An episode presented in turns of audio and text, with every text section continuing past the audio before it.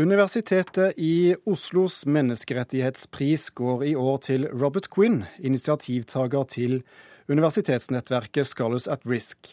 Nettverket arbeider for å fremme akademisk frihet og for å beskytte truede akademikere. Quinn startet Scholars at Risk da han jobbet ved universitetet i Chicago for tolv år siden, og siden den gang har over 400 akademikere fått beskyttelse mot alt fra sensur og overvåkning til tortur og drap. Robert Quinn, congratulations and welcome to Kulturnytt. Thank you very much. Why did you take the initiative to start Scholars at Risk? Well, we realized that Scholars all over the world continue, as they always have, to experience pressures merely for doing their work, merely for trying to develop knowledge and truth. And we decided that the higher education community globally has a responsibility to step up and help them. Det akademiske miljøet verden over har altså et eh, ansvar for å, å hjelpe akademikere som blir eh, truet og, og forfulgt, eh, sier Robert Quinn. You've helped more than 400 academics over the years. Uh, what kind of academics are we talking about? Well, we've helped over 400 escape danger and move to universities in our network, but we've helped at least 600 more in other ways, including with advice for immigration or asylum, or helping them in their home country so they never have to leave. Um, but the scholars, the types that we've done with relocation, they really range the entire entire gamut of academia, from physical scientists to artists. Uh, scholars from the Congo uh, or Zimbabwe or Burma or China or Venezuela or really 115 different countries have come to us saying we need help.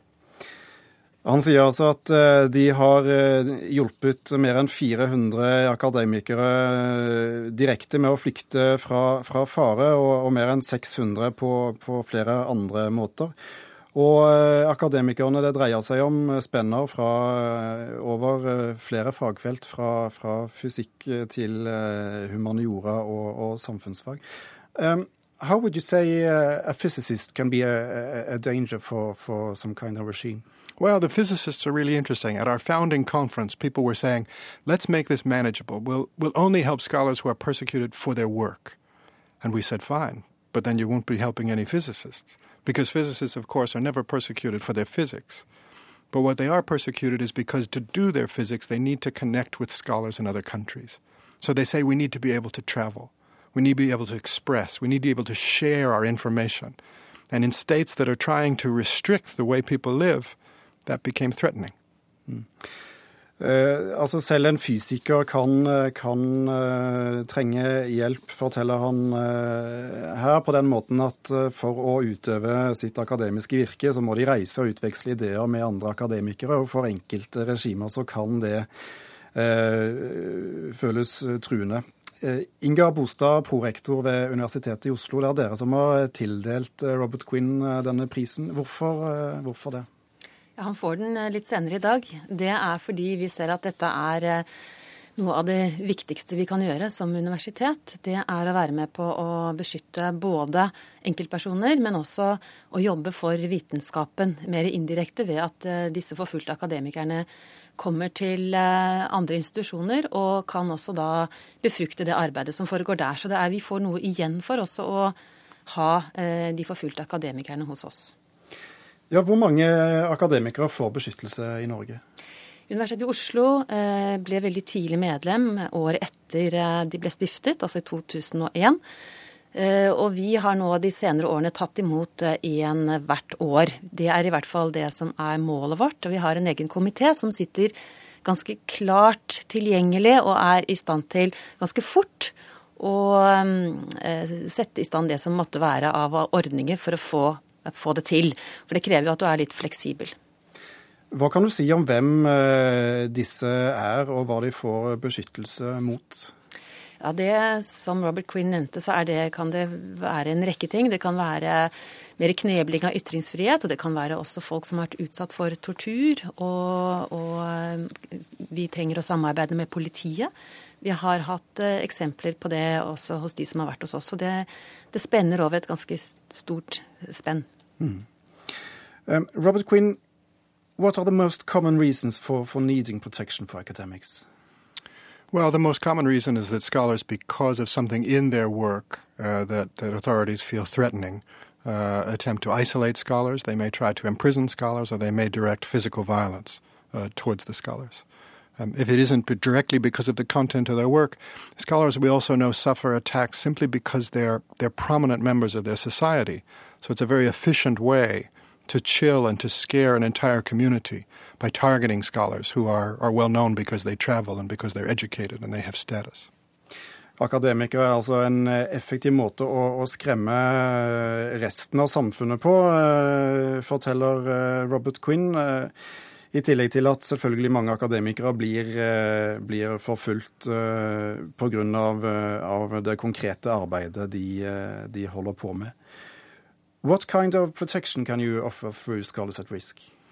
Well, for, for scholars who are still in their home countries, we can sometimes intervene. We send letters letting authorities know that, that we know what's going on and we, we're watching.